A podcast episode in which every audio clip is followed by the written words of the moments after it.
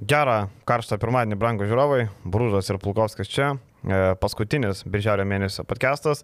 E, turim klausimus atsakymus. Ir šiandien, na ką, labai, karštas, labai karšta diena ir labai daug karštų klausimų. E, turbūt rekordinis skaičius klausimų, vad ką reiškia, kad vieną savaitę mūsų nebuvo. Iš karto klausimų labai daug ir įvairių, visų spektrų, bet aišku, dominuoja žalgeris, nieko naujo turbūt. Gerai, kad čia kondiškiai įstatė šitoj studijai. Jo, manoma, nes būtume nedirbę. Tai šiaip tai ne jokai šiandien, ne jokai. Blogai tiem, kas neturi namie kondicionierius, kaip mes, tai malgi irgi neturim, tai tenka Kenčiam. vargti. Nieko kraustysimės čia į studiją gyventi, nieko nebus. Gerai, e, pradėkim e, apie rinkinės pasirodymą. Buvo klausimų, kaip vertinat, kaip kas. Matėm dviejas skirtingas rungtynės, e, matėm Igną Brasdeikį, kuris visiems labai patiko.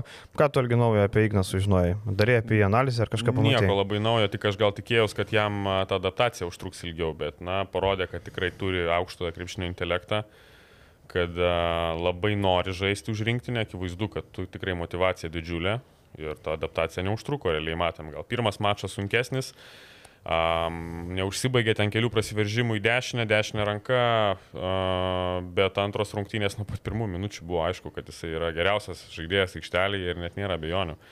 Tai nieko nenustebino, to prasme, žinojau, kad jis yra labai geras uh, driveris. Uh, jie abi pusės einantis, labai gerai kontroliuoja kūną, fiziškas, matom, toks žemas svorio centras ir tuo pačiu pakankamai staigus tam pirmam žingsnį. Jisai ypatingai iš tų close-out situacijų deda toks, tokią didžiulę jėgą link krepšio ir ten jau jį sulaikyti sudėtinga. Matom, kaip susikoordinuoja gražiai, net ir su, susidūrė su dideliais žmonėmis ir, ir užsibaigė techniškai, turi ir tos tą Eurostepą, turi tą platų judesių arsenalą, sakau tokio žaidėjo rinktiniai senokai nebuvo, net sunku ką prisiminti turbūt būtų, kas toks pastarasis buvo kaip, kaip Ignas Brasdeikis, kažkas panašaus. Jeigu nieko nenutiks, turbūt rezervuojam vietą Eurobaskete. Faktas, aš manau, kad Ignas Brasdeikis bus vienas lyderių šitos mūsų rinktinės Eurobaskete. Jis yra, tarpsme, jo lygis yra kaip mūsų vieno lyderių rinktinėje. Mm, šalia yra Grigonis ir bus, žinoma, pagrindiniai žaidėjai Jonas su Domantu. Ir man įdomu, ka, kas šalia jo bus. Ar tai bus Mindaugas, ar tai bus Arnas Butkevičius. Nugytis Radzevičius turbūt sunkiai, nemanau, kad jis, bet e, labai įdomu, ką pasirinks Kazis Maksvytis, e, palauksim tos kitos rinkinės, pamatysim kitos stovyklos. Šiaip Brasdeikis e, Eurolygoje būtų labai įdomus. Taip, aš pirkinys. manau, kad, oi, faktas, jeigu Žalgeris galėtų tokį žaidėją pasirašyti, jeigu jisai norėtų važiuoti į Kauną ir pradėti savo karjerą Europoje, tai čia, manau, man tai čia naubraineris visiškas, dedi pinigus, kiek gali, ilgalaikę sutartį tai gali būti tavo ateities žaidėjas, aplink kurį tu gali lipdyti komandą. Ir šiaip aš manau, kad Ignas Brasdeikis gali būti stiprus Eurolygos žaidėjas, toks tikrai išsiskiriantis savo potencialų. Man jis iš savo stiliaus, labiau europietiško stiliaus krepšininkas negu kad NBA. Uh, ypatingai tas fiziškumas jo, įėjimas į kontaktą, metimas, matom, pataiko, FIBA atstumų, NBA atstumų jam sunkiau mes šiek tiek yra. Uh, Tai Europoje jisai žvėris gali būti, jisai visiškai žvėris, aš galvoju. E, iš tos rinktinės, ką matėm, e, Malgi, kas tave nustebino, kas nuvylė?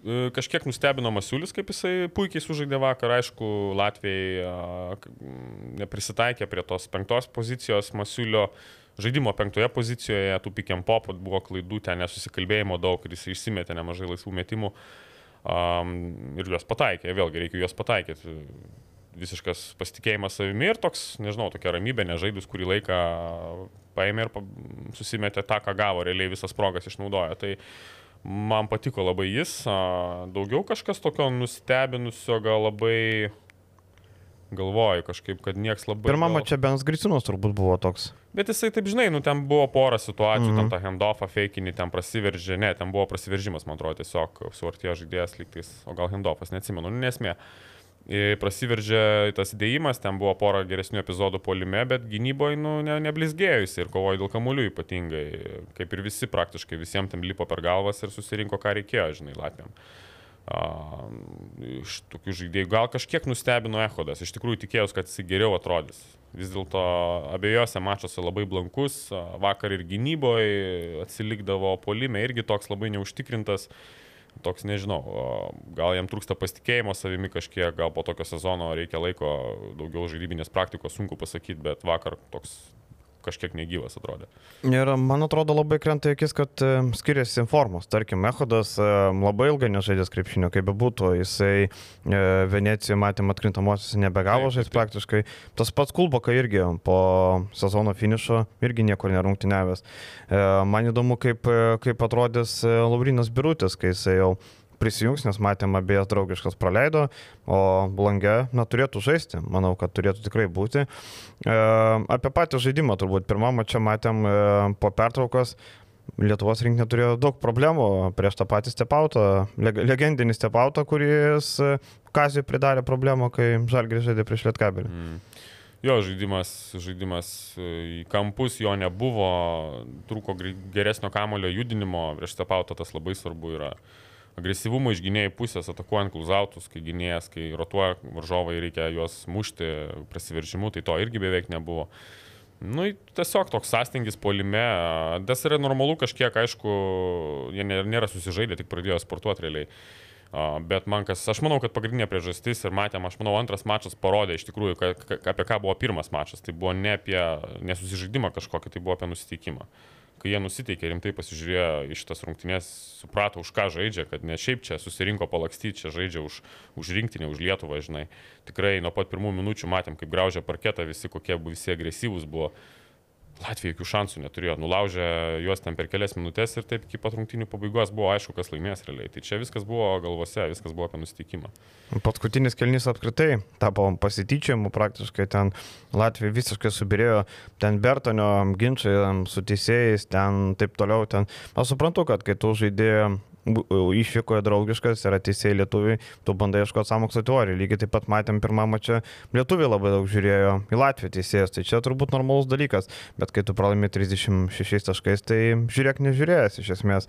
Um, keli aspektai turbūt įdomiausia, kad Kasys Maksytis po spaudos konferencijos nusprendė, na, nežinau, duoti tokį pamokėlę, kad čia nereikia kritikuoti, nereikia kartšūnų. Um, čia turbūt apeliavo Algi tavo tekstą. Manau, kad taip, taip, taip. Sakau, čia buvo savo nuomonę ir tokią šiek tiek emocingą nuomonę apie, apie nusiteikimą, ne apie, susiž... ne apie jų žaidimą, ne apie atlikimą, ką jie darė aikštelį. Viskas yra suprantama, taip, jie neturėjo laiko pasiruošti.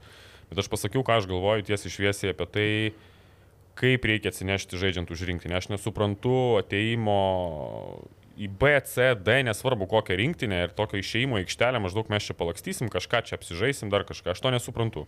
Jeigu tu žaidži už rinktinę, nesvarbu, draugiškos, nedraugiškos, tu turi pilnai atsiduoti, juolap tu žaidži prieš Latvius ir leistis, kad tave ten vieną vos ne kasą, kaip sakant, e, daužo kažkokie tai Latvijos, Estijos ten e, žaidėjai, nu nebūtinai e, ir jie, ir sakykime, ir keletas, kurie žaidžia kažkokiam aukštesniam lygiui, bet vis tiek ne tie, kuriems tu gali leisti lip per galvas. E, pralaimė antrų šansus 26-2, apie ką mes šnekam. Tai sakau, tu negali su tokiu nusteikimu atstovauti Lietuvą, aš galvoju, tu turi žaisti, nesvarbu, draugiškos, nedraugiškos, tu turi rodyti nu, motivaciją.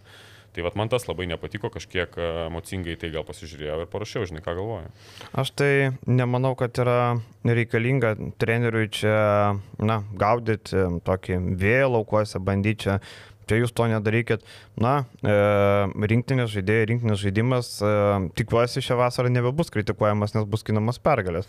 Bet jeigu oro baskete e, bus, tarkim, pirmame etape pralaimėta ir vokiečiam, ir prancūzam, ir slovenam, ir bus nugalėtos tik tai dvi komandos, kurias būtina nugalėti. Akivaizdu, kad bus kažkiek šunų pakart, ar ne?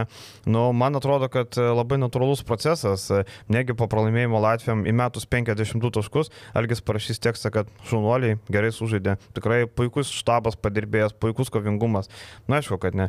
Kitas dalykas apie Vitenį Čižauską. Vėl e, yra kažkoks priekaištas, čia manęs klausė, tai reikėjo ateiti per pirmą konferenciją pasakyti žinot, Čižauskas pakviestas, nes atsisakė. Tas, tas, tas, Taip. tas. Tai yra buvo mūsų šešta opcija. Tada nekyla klausimų. Dabar, kai mes matom Čižauską, natūraliai visi pradeda su šypsenėlė žiūrėti Čižauską, nes tai yra Prancūzijos antros lygos žaidėjas, kuris net ten nežaidė gerai.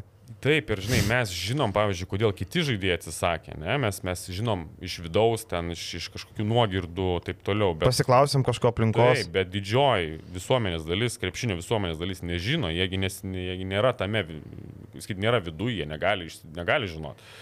Tai čia komunikacijos irgi trūkumas yra, nu, tai tu turi paaiškinti, kodėl jisai paimtas, sakykime, visi suvokia, nu, čia common sensas yra, nu, antrosis Prancūzijos lygos žaidėjas, kodėl tu paimi tu ateini aiškini, kad maždaug dėl to, nes aš jį pažįstu, visą kitą, visą kitą. Nu, tai tu pasakyk, žinai, kad kvietėm daug variantų, tą, tą, tą kvietėm, žinai nu, teko, teko imti vitenį, žinai, nu, ir tokia situacija tiesiog. Tai jeigu jis būtų tai pasakęs anksčiau, manau, kad niekam nebūtų kilę kažkokių tai klausimų čia. Jo, ir iš esmės, kad kvietė Janavičių, Bičkauskį, čia yra nauja informacija, mes šitų dalykų nežinojome.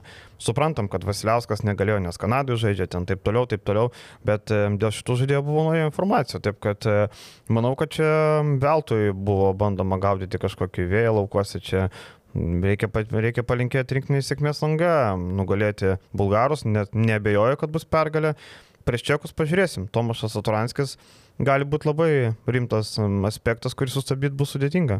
Ja, aišku, sunkiau turėtų būti su čekais, bet aš manau, kad e, jie turėtų abi rungtynės laimėti. Aš tikiuosi tikrai irgi uh, faktas, mes tikrai norim tik tais gero rinktinį ir tik tais pergalių ir kad kuo labiau pasisektų. Tai laukiam ir čempionate tikrai kuo, kuo didžiausias sėkmės ir man atrodo šitą rinkinį turi potencialą pasiekti gana aukštus rezultatus su tokiu Brasdeikiu, su Grigoniu, kuris pamažu įsižais. Turim ir perimetro liniją pagaliau, kuri gali daryti uh, įtaką kažkokią, gali skirtumą daryti taip. Tai manau, kad, manau, kad jie gali būti sėkmingi ir, ir Europos čempionate, ir, ir tose languose, ir to tik tais ir linkim. Didžiausias sėkmės tikrai. Ir e, mums nuo to tik tai geriau. Kuo labiau rinkinį laimi, kuo didesnis hypas, tuo didesnis skaitomumas, daugiau reklamos parduodam ir eina į priekį. Tai čia visi patenkinti, fanam emocijos, žaidėjim, mums irgi gerai. Tai mes visada už tai. Gerai, einam prie klausimų ir uh, kaip tik Donatas Paulauskas, mūsų MVP rėmėjas, uh, turi gerą klausimą, surinkiuokit rinkinės dvyliktuką, jisai pateikė savo nuomonę. JV, Sabonis, Dimau. Lekavičius, Jokubaitis, Grigonis, Brasdeikis, Kusminskas, Butkevičius, Benčius ir Dikerskis. Ir 12 įma Dovydą Gidraitį. Mes turbūt algi turim šiek tiek kitokią nuomonę. Nu, jo, žinai, gal čia, gal čia, tai pasižiūrėjus, šiaip neblogai sudėliota, tik aš Taip. dėl Bendžiaus galvoju, ar, nes matyt, reikėtų rinktis Bendžius, ar labiau gynybinio plano ketvirtas numeris, tarkim, toks Dekerskis, kaip matom, arba, arba Žukauskas, kuris gali žaisti ketvirtų. Aš šiek tiek kitaip dėlioju, aš dėlioju, tarkim, vis tiek aš manau, kad reikia uh mhm. -huh. trijų centrų, tai yra JV, Sabas, Gudaitis, jeigu yra pasiruošęs. Ir tada eina toliau ketvirti numeriai, Kuzė, aš matau kaip ketvirtą numerį vis tiek uh -huh. iš to rinktiniai. Ir tu Sabą naudoji kažkiek ketvirtoje pozicijoje, Kuzminskas, tarkim, startė, paskui Sabas su JV kažkiek minučių kartu, taip rotuoji ir tas, tas antras, ketvirtas numeris galėtų būti labiau, aš galvoju, orientuotas į gynybą, nes Kuzminskas nėra nėra stiprus tame. Aš sakyčiau, Sedekerskis man, man patinka tai, ką jis įrodo iš ketvirtoje pozicijoje šitam langė ir aš manau, kad grinai va tokio gynybinio plano žaidėjo gal net labiausiai reikėtų, žinai. Sedekerskio lauks sunkus Eurobatskas, reiktų Tončičius stabdyti. Po to, kai kokį furniją pastatys ant furniją. Taip, čia suprantu. Ir galiausiai kokį šrioderį reikės uždengti. Reikia vežtis, nes jeigu, jeigu nesidekerskis, tai Dončičius man labai daug primės taškų, tai čia besidekerskio niekaip, žinai. Jo, čia nuo praeitų metų hitas. Žinai, tai, kas, kas buvo kalbama per erdvėje, žinai. Bet šiaip bendrai manau, kad jisai galėtų būti tikrai rinktinė, aš jį visai norėčiau matyti. Trečia pozicija, man labai aiškus du pikai yra Brasdeikis ir Butkevičius, taip, vienas taip. kitą papildantis. Uh, yra antra pozicija Grigonis Gedraitis, Rokas Gedraitis. Taip, Rokas taip. Gedraitis gali žaisti trečių numerių, tarkim, gali žaisti kartu su Brasdeikiu, Brasdeikis daugiau žaidžia su Kamaliu, tu Gedraitį naudoji kaip... Čia Donatas žinai. pamiršo matyti, nes rašo apie jaunąjį Gedraitį, tai jo, pamiršo. Būtent, kad jo mhm. trūksta čia. Um, ir žaidėjai Lukas ir Jokubaitis čia, aišku, pikai. Tik aš tuo penktų gynėjų irgi visai norėčiau paimti Dovydą Gedraitį. Man atrodo, kad jisai gali žaisti per abi pozicijas ir visa kita, tik tiek, kad uh, girdisi, kad jam yra tam tikrų sveikatos problemų, tai čia kaip ir ne, ne variantas, aš manau, šią vasarą žaisti ir, ir, ir, ir, uh, ir tada reikia kažko kito ieškoti. Tai net sunku pasakyti. Tomas Dimša. Tomas Dimša galbūt, jo, Tomas Dimša. Nes aš įsirašiau būtent jį, manau, kad... Tiek, kad nėra tokio varianto į žaidėjo Na, nebent Grigonis gali pažeidinėti mm. tokiu atveju, jeigu yra kažkokių problemų su tais dviem žaidėjais, tai Grigonis kaip ir gali kažkiek padėti, žinai, toj pozicijai. O šiaip e, dėl Bendžios manau, kad e, tiesiog Bendžios nebereikalingas kazė. Matėm praeitą kartą, praeitam langė nedavė pasireikšti, dabar net nebekvietė. Ir e, manau, kad Bendžius kuriam laikui grenta išrinkti, nesu gal visam laikui, kol kas jis bus matyti. Čia, čia turbūt Sedekerskis gali su Eigirdu varžytis dėl tos pozicijos, man atrodo. Taip, čia gali būti labai panašiai. Būtent ta, tas, tas, tas matšapas ir yra dėl tos pozicijos. Ir aišku, čia ta pozicija tokia kiek jie ten žaistų tam čempionate, vis tiek tą ketvirtą poziciją, manau, labiausiai dengtų Kuzminskas ir, ir Sabonis, aš taip įsivaizduoju. E, Artūras klausia, ką manom, kad Buzelis pasirinko žais G lygoje, o ne NCAA. Labai gerai, manau, labai pritariu šitam sprendimui ir aš mačiau komentaruose, žinai, iškart išstoja tokie mokytojai, žinai, supranti, gyvenimo mokytojai, suprask, jeigu tu nebaig, nebaigi universiteto, tai tu durnas, reiškia. Taip, taip, taip. Bet reikalas tas, kad jisai net jeigu būtų pasirinkęs universitetais, ten būtų metus pažaidęs ir tada eitų į draftus. Jisai nebaigtų universiteto, jis pabaigs jį gal kažkada ateityje.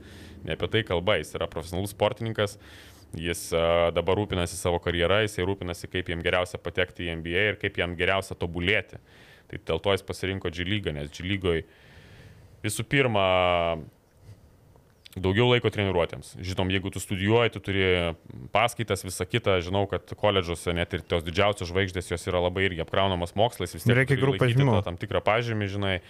Tai ten labai sudėtinga rasti laiko papildomam darbui. Ir, o G lyga yra tik apie tai. Ta komanda Ignite, jie turi krūvą individual, individualaus rengimo trenerių, mm, skills trenerių visokiausių ir taip toliau. Žodžiu, jie gali užsidaryti salėje ir dirbti realiai. Ir žaisti rungtynės prieš vyrus, kurie yra arčiau NBA, sakykime, negu koledžo, negu koledžo žaidėjai. Ir dar pagal NBA taisyklės, ką tu dar labiau, sakykime, save apsipratini prieš tą startą NBA.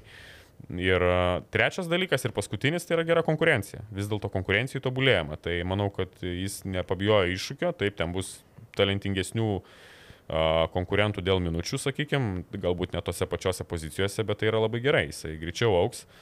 Ir manau, drasus sprendimas, bet labai, bet labai, labai teisingas ir manau, jisai bus žymiai geriau pasiruošęs NBA, negu kad žaisdamas sezoną kokiam nors ten, žinai, koledže ir būdamas visiška žvaigždė. E, Man patinka pasitikėjimas savim, turbūt e, be pasitikėjimo savim neįsi G lygos komandą. Ir mes atsimenu, irgi prieš e, mėnesį ar porą kalbėjome apie NCA, sakėm, kad G lygos komanda yra tokia kova dėl išlikimo. Taip. Tai labai įdomu, kaip matui seksis, bet, bet jo, e, turbūt e, tas žaidimas su vyrais labai įdomus sprendimas ir mum, kaip, e, ką žinau, krepšinio specialistam, kaip krepšinio gerbėjim labai įdomu stebėti, kaip jam G lygoje seksis. Nes matėm NCA, ten pirmoji konferencija su visokiais balvonais, kaip sakant, reikėjo žaisti, ta statistika nieko tam nesakys. O čia iš karto prieš vyrus pasižiūrėsim, kaip, kaip atrodys, matysim ir daugiau galimybių visokių iškarpų ir taip toliau. Tai manau gerbėjai tik išloš iš to, kad jisai G lygoj. Tai dar labiau skatina laukti kito sezono. Gal ir Sirvidis bus G lygoje, gal Arnoldas Kulboka ten vis dar liks. Niekas nežino, tai ta G lyga vis tampa įdomesnė. Bet Buzelis, bet įdomu, ko- kokį, e, kokį šaukimą jam nukalsta G lyga. Mm. Matėm e, šiais metais du lietuvių agentai turėjo net um, 9 ir 11 šaukimus, kuriuos pasikvietė. Tai Deirūnas Visotskas ir Marius Rutkauskas. Mm. Tai lietuvių agentai, matom, e, sugeba ne tik kažkokių legionierių atvežti, bet ir patys turėti talentų, kurie pašaukiami NBA. Na, 2 top 11 tai yra didelis pasiekimas šiaip, labai, labai gerai. Čia tarkim tas Dysonas Danielsas, kuris pašauktas buvo žaidė to Ignite komandai, tai Mhm. prieš tai prieš metus jam nebuvo žadamas labai aukštas šaukimas, bet prašau pasikėlė vertę, įrodė. Taip, kad tas, sakau, tas sprendimas jis nebūtinai ten sumažins jo tą stoką vadinamą. Koks skirtumas būti pašauktam ten penktų ar septintų, žinai, Mhm. jeigu nesi pirmas. Pirmas jis vis tiek nebus. Tai, tai manau, kad uh, jis čia nieko nepralaimi, realiai. Budelio sodyba klausia e, apie ryto komplektaciją, sako, kaip darbas keičia tai, kad nebus Arno Butkevičiaus, e, ar daugiau pinigų gynėjo grandžiai ir e, apie štabą liks toks pats. Tai taip, štabas liks toks pats, e, liks, liks ir štabas, čia turbūt pagrindinė sąlyga. Turbūt apie tą komplektaciją galim pasakyti tiek, kad e, Vilniui vieša paslaptis, kad Gedrius Žibienas jau buvo su Gyčiu Masiuliu susitikęs ne vieną kartą, kai kurie gerbėjai net nuotraukas siuntė e, ir taip toliau. Nu, žodžiu, Vilniui, jeigu šiais į miestą, nu, ypač su Gyčiu Masiuliu, nu, neliksi nepastebėta, žinai, tai sudėtinga yra tai padaryti. Penktadienio, šeštadienio vakarą tikrai neliksi pas nepastebėtas. Jo, tai e, yra taip, tai matyti. Rytas pradeda nuo, nuo lietuvių, kaip ir dauguma komandų, tas pats žalgeris irgi nuo lietuvių pradeda, matom, dar nėra legionierius, nors e, prieisim dar iki to. Tai kol kas Gytis Masiulis yra tas žmogus, kuris turėtų pakeisti Tanerį Laisnerį, bet man tas ėjimas toks 50-50. Nu, klausimas, žinai, aš manau, kad, žinai, lygių jie labai panašus yra. Jeigu žais kaip vakar, tada ok. Žinai, lygių labai panašus, Laisneris ten irgi ne, ne, nežibėjo pataikymu iš toli, gytis tą metimą, klausimas gal šiek tiek tobulina, pakankamai pavojingas vis tiek vienaip ar kitaip. Nu, nėra sniperis, nėra tas, kur negali palikti, bet, bet, bet, bet pakankamai solidus tas metimas. Tai ok, žinai, bendrai paėmus, tai manau, kad jie aišku labai apsibrėžia tai, kad jie labiau nori investuoti į kitas grandis. Akivaizdu, kad mm. Gynėjus turbūt labiau ir, ir, ir, ir tas yra labai normalus ir protingas žingsnis, aš galvoju. Treji metai 500 tūkstančių Arnui Butkevičiui yra labai, labai mažas pasiūlymas.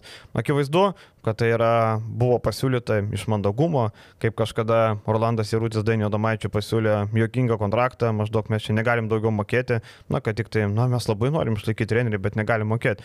Tai čia tokia diplomatija klubuose, tai čia nieko, nieko naujo, nieko, nieko nepasakysi, čia viskas labai suprantama. Dėl gynėjo taip turbūt reikės Pidį Smitui pridėti turbūt reikės e, naujam e, gynėjui mokėti, tai viskas labai aišku. O šiaip Gytis Masiulis e, ryto buvo pagidavimas dar praeitais metais, tai nieko nuostabaus, kad jie vėl meta tinklus ant jo. Šiaip e, Laisneris, kaip atrodė Laisneris, tai Masiulis neteina į didelius batus, tai lūkesčiai nebus kažkokie super dideli. Plus tai yra žaidėjas, kuris gali pažaisti centru, irgi labai gerai. Manau, kad geriau negu Laisneris gali pažaisti centru, bent jau arčiau krepšio, manau, kad tikrai gali geriau. Matėm, Donatas Urbanas rašo apie Martiną Ehodą, kuris atsveikino su Venecija. Ehodas ir Masiulius, manau, būtų geras pastiprinimas priekinė linija. Jo, lietuviai vietiniai, žinai, nu, vis tiek tau reikia tokių žaidėjų ir, ir niekur tu nesidėsi, žinai. Manau, kad pagal lygį jie yra ryto lygių ir gali duoti daug naudos. Tai viskas čia labai suprantama, ką jie daro, kol kas atrodo tie sprendimai logiški. Tai žiūrim, kaip toliau bus, kokie ten tie gynėjai bus, vis tiek reikia ten stiprintis, įdomu, kiek jų reikės, galbūt klausimas dėl kariniausko liks, neliks komandoje, jeigu jo neliks, tai gal reikės dviejų gynėjų, tai čia įdomu, ką, ką jie toj pusėje darys, bet matyt, sakau, Butkevičiaus pinigai dalinai nueis ten. Jo, ir keli, panašu, kad legionierių nebus labai daug, jeigu pasižiūrėsim, kad Laisnerį pakeis Masiulis, tarkim, vietoj buvo Sehodas, e, nežinau, Džervis arba Kairys, ar ne, ir e, trečias numeris yra Vengytis, Muliackas. Tada jeigu nebent vietoj girdžiūno ir dar atvažiuos. Klausimas, žinai, gal, gal ten bus, gal perimetro linijų, gal bus daugiau legionierių. Pasižiūrim, pasižiūrėsim, ką. ką Nes lietuvių nelabai jau ką nupirksi. Ja. Uh, Andrius klausė, ar Mindaugas Brazys pribrendo Britrenerio postui, nebūtų rizikingas Neptūno įimas. E, tai aš rašiau šeštadienį, kad Mindaugas Brazys e, turėtų tapti to Britreneriu. E, jisai jau kalbasi su žaidėjais kai girdėjau, Bečeslavas Bobrovas labai įdomus Neptūno, tarkim, žaidėjas. O, kiek, žaidės. Kiek metų nebuvęs. Taip, o, e, bet... Aš e, atsimenu, siautė tai kaip, kaip žvėris čia. Pasvaly buvo, wow. Pasvaly, jo, jis ten dominavo realiai momentais, atkarpom. Tai po to į Ispaniją nuvažiavo, jo, panevežys norėjo tada irgi Bobrovo ir, ir, ir, ir jisai išvažiavo vis dėlto pasirinko Ispaniją, bet ten kažkaip ne, nelabai užsikabino, nelabai jis ten kažką įrodė. Bet dėl Bobrovo tai panašu, kad e, yra pasiūlymų su daugiau pinigų, tai ten jau, kaip sakant, bet žinau, kad vyksta pokalbį ir pats Minugas Bratys dalyvauja tose pokalbėse, tai akivaizdu, kad e, jis turėtų tapti dvi treneriu. E, šiaip sprendimas Neptūno sveikintinas. Manau, kad geriau pasamdyti Brazį, duoti šansą jam, negu bandyti vėl ieškoti kažkokių neiškių sprendimų, nes matom, kad ta rinka labai maža. Pavyzdžiui, Lėjai ant manęs nesupyksta Kiltinavičius, bet aš rinkčiausi Brazį negu Kiltinavičius, nors vienas turi patirties, kitas ne. E, Brazys, na, jis matėm, visiems labai patiko, kai buvo pakalbėjau laidose, skautas, kaip gerai kalba, kaip supranta krepšinį. E, įdomu, ar charakterio savybės ir trenerių yra tinkamas. Vis dėlto būt skauto asistentų yra viena, bet kai pačiam reikia, kaip sakant, spirti užpakalį žaidėjim, pačiam išreikalauti, čia kiti dalykai. Jo, kaip tu sakai, čia būtent tas esminis skirtumas ir yra, žinai, nes teorija yra viena, bet praktikui tu turi kaip treneris gebėti išsireikalauti tos teorijos. Jis turi tausiam puikia galva, labai gerai supranta krepšinį, viskas tvarko, jis turi, aš nebejoju, daug įdomių idėjų. Bet kiek jis išsireikalaus iš žaidėjų, čia ir nulems jos sėkmę realiai. Ir pasižiūrėsim, ar jam seksis tai daryti. Aš apie jį ten kaip asmenybę kažko labai pasakyti negaliu, nesam, nesam gerai pažįstami, tai sunku, sunku pasakyti. Bet gerai, kad šansą suteikia jaunam treneriui, juolap tas, sakykime, juolap Brazys yra kaip ir toks sistemos treneris jau ant metų, pažįstamas su Klaipėda ir taip toliau. Tai duoti šansą tokiam, aš manau, yra teisinga, jeigu tu esi LKL vidutinio lygio komanda. Jo, ir apskritai, žinai, su tais treneriais matom vis dar e, labai sustabarėjus rinka, niekas nepasikeitė, mes turim e, birželio čia 20 kilinti, 26, kai kilinti čia 27 net, tai niekas nepajudėjo. Na, pažiūrėsim, kada prasidės tas kortų namelis griūti, nuo vieno pasirašymo pradės eiti. Matom, ne, Dašanakas praeitą savaitę žadėjo duoti atsakymą, bet atsakymą nėra. Variantų mažėjo, Ulmas e, pasi, pasi, pasisamdė Geivelą. E, pažiūrėsim, kas čia bus, bet e, šiaip labai įdomu. Ir ta rinka, matom, Utinos Juventus toliau laukia Rimo Kurtnaičio. Rimas Kurtnaitis dar paprašė laiko. Tai čia vėl stoja reikalai. Pažiūrėsim, gal iki Liepos vidurio kažkaip Įsispręsti reikalai. Klasika LKL, viskas vėliau prasideda, žinai. Taip, taip, taip, matėme Eurolygoje, nespėja rašyti naujienų, kiek yra gandų, Taip, kiek yra taip, taip. perimų, LKL, ramu. Kaip, Ramu, kaip žinai, būna tas memas, kur vasaros miego, aš sakau, kol kas. Taip, taip, taip. tas laikas, žinai. nors Jonava, va, pavyzdžiui, baigė tvarkyti, liktai turėtų FIBA Europos turėjai sužaisti, va, pavyzdžiui, Jonava, žinai. Pasižiūrėsim, ar gaus vietą, pasižiūrėsim. Bet ten, kaip ir sakė, kad turėtų gauti. Pinigus susimokės, gaus. Pagal, pagal LKL, nu, pažiūrėk, užėmė penktą vietą, tai turėtų gal.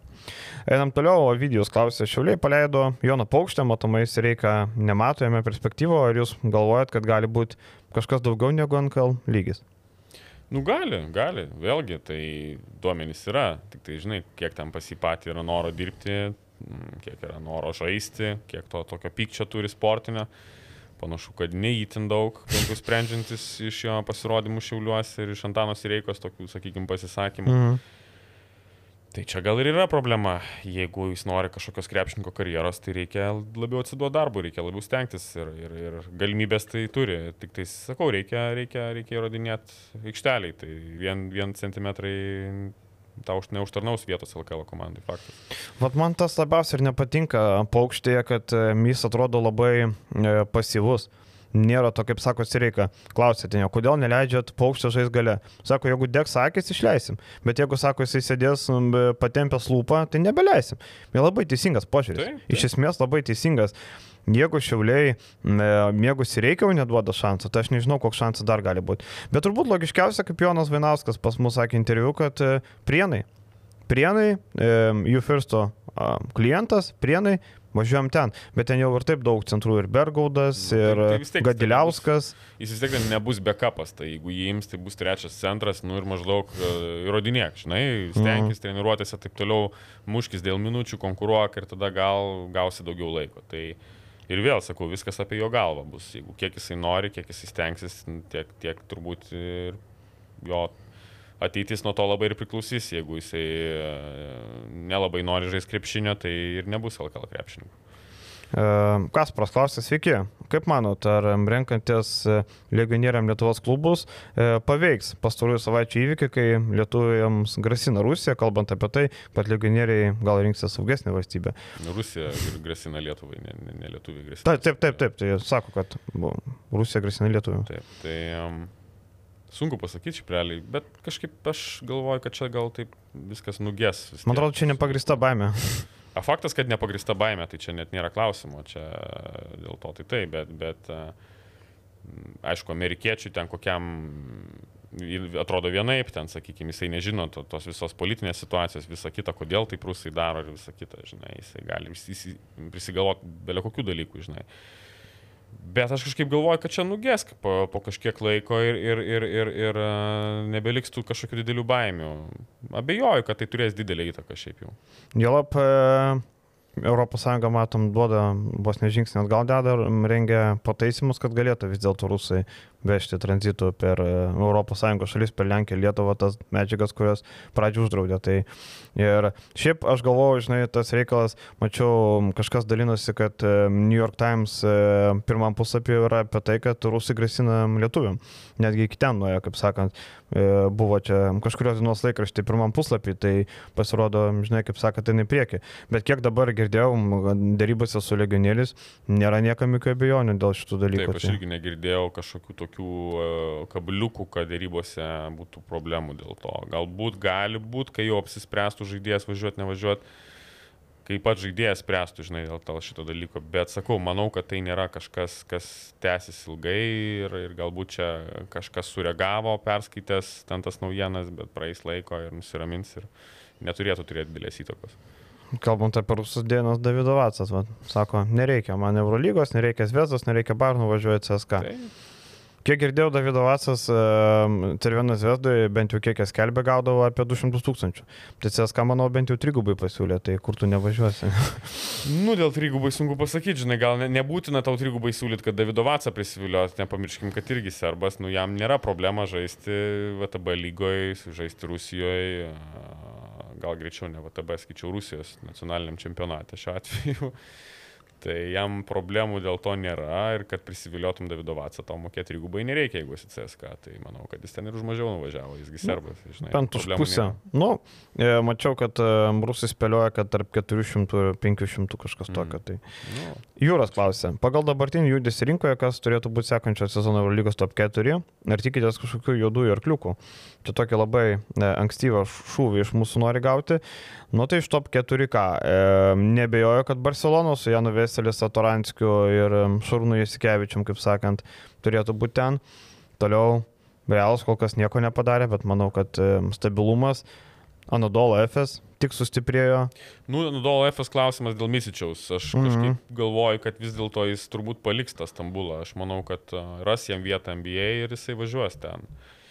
Nes ir kalbama, kad yra stiprių komandų, kurios nori, nori, nori, nori išsipirkti jo teisės, išsimainyti jo teisės, kaip viena iš tų komandų Sparsai, aš, pavyzdžiui, puikiai matau jį ten.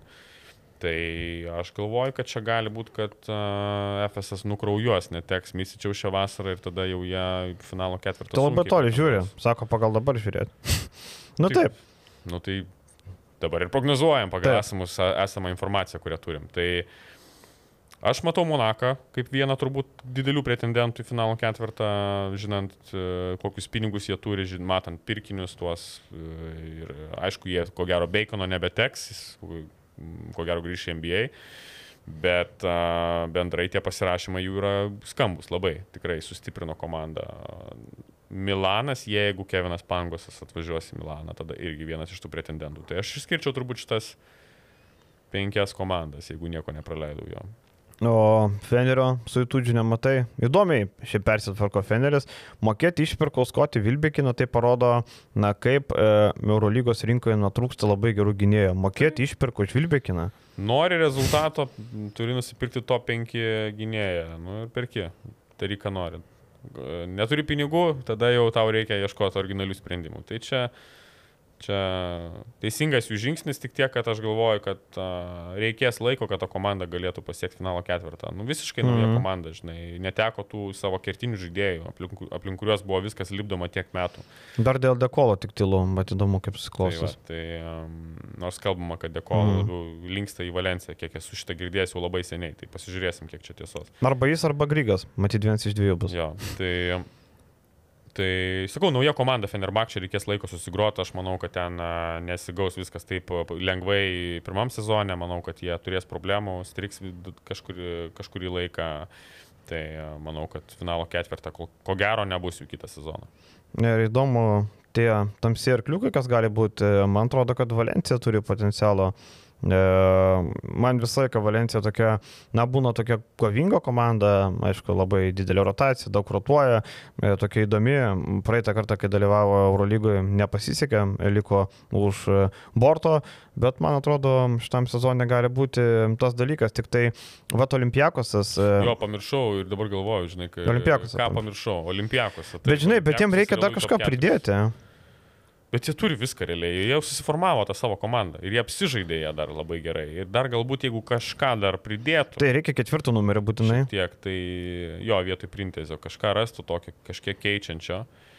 Tai finalo ketvirto pretendentai labai realūs ir realūs pretendentai titulą realiai. Tai manau, kad e, jo Olimpiakosas yra dar, vienas, dar viena komanda, kuri gali iššokti tą visą tą pagrindinę kovą kitą sezoną dėl aukščiausių vietų. O tas tamsus arkliukas kažkaip irgi, man Valencija visai patinka tavo šitas Mhm. pasirinkimas. Gali būti gal kokia netgi Bolonija visai, aš matyčiau. Bet Bolonija toks, žinai, tamsi pagal aprangą, bet pagal pavardės tai nu, tokia gana skambi komanda. Nu, gana kaip- skambi pagal pavardės. Klausimas, kaip tie veteranai judės kitą Mhm. sezoną, bet jeigu jie dar apsikamšys e, solidžiais roleplayeriais, tai visai, visai ten rimta komanda gaunasi. Apie Virtus užsiminė, tai Nikas Menionas man absoliutus nusivylimas. Mes taip kalbėjom, kad čia taip gali būti gerai. Bet jis sutrukdė. problemą. Taip, taip, taip. Sveikatos problemų, ta prasme, bičias buvo numetęs kiek ten 30 kg ar kažkas 20, kažkas tokio, nu ten. Buvo kaip, kaip vaikas atrodė. Nu, Nu. tai... Nieko atsigaus kitą sezoną pažais kažkiem Bet panašu, kad, bet man va tas irgi labai keista, kad Virtusas nebetiki juo. Aš skaičiau kelis straipsnius pasitalus, kad e, dėl katinimo ir priežastis ta, ne dėl to, kad jis prastai žaidė, nes aišku dėl ko, bet nebetiki juo, nemato progreso jame, nemato, kad jisai gali būti geresnis. Ir plus pats meninas nebuvo patenkintas, kadangi liko už Haketo ir Teodosičiaus nugaros. Tai va būtent, aš manau, kad čia buvo abipusis reikalas, um, kam, žai, kam būti komandai, kuri, kuri turi du žaidėjus, kurie turi žaisti daug, abu. Tai aš sakau, aš galvoju, kad Menionas turi dar to potencialo, nereikia skubėti nurašyti ir manau, kad kitą sezoną pažais kokioje čempionų lygoje arba Europos taurėje ir pamatysim ten jį labai ryškų. Jo, ir liktai į vasaros lygą ketina važiuoti pasirodyti, tai labai įdomu šiaip. E, gal viešai daliai paskutinį klausimą, Justinas klausė. Žalgeriui būtų buvę geriau taikytis Radzevičių negu Butkevičių. Sezono metu daug aš nekėjau, kad tarp jų didelio skirtumo nėra, o Radzevičius gal netgi turi daugiau tobulėti, nes e, yra jaunesnis. Trimis metais. Ne, nu, kad manau, kad Butkevičius labiau pasiruošęs Eurolygai, labiau subrendęs kaip krepšininkas ir, ir, ir kitas dalykas, kad jisai geriau žaidžia ketvirtų numerių, jis gali pridengti dvi pozicijas. Tai žalgiriui reikia tokių universalesnių žaidėjų, daugiau tokių per kelias pozicijas, kurie galėtų ginti kelias pozicijas ir Butkevičius būtent toks ir yra. Tai manau, kad jisai logiškesnis pasirinkimas. Ir e, pasižiūrėkim, kad, e, na, Butkevičio pats laikas. Turbūt Gytis, taip, man atrodo, jau Gytis kitą sezoną parodys bent jau tokį patį žaidimą šie- šiek tiek geresnį. Tai kitą vasarą irgi bus paklausus rinkų ir galės tikėtis dar didesnių pinigų. Dar vieną sezoną vad gerą, neliks Arno, nebebus jo šešėlį, kaip sakant, nebereiks taip Uliackas kaip ir labai užtikrintas tas atsarginis trečias numeris. Taradzevičių dar viskas prieš akis, tai nereikia taip skubėti. O Arnui dabar arba niekada. Kada, kada tu dar arba gausi šansą? Jo, paskutinis šansas, ko gero. Gerai, e, ties to viešą dalį baigiam, keliaujam į rėmėjų dalį ir pratęsim. Čia labai daug klausimų apie žalgį ir taip toliau. Gerai, e, ačiū Jums, jeigu esate rėmėjai, žiūrėkit toliau, jeigu ne, ačiū, iki pasimatymo, iki. Iki.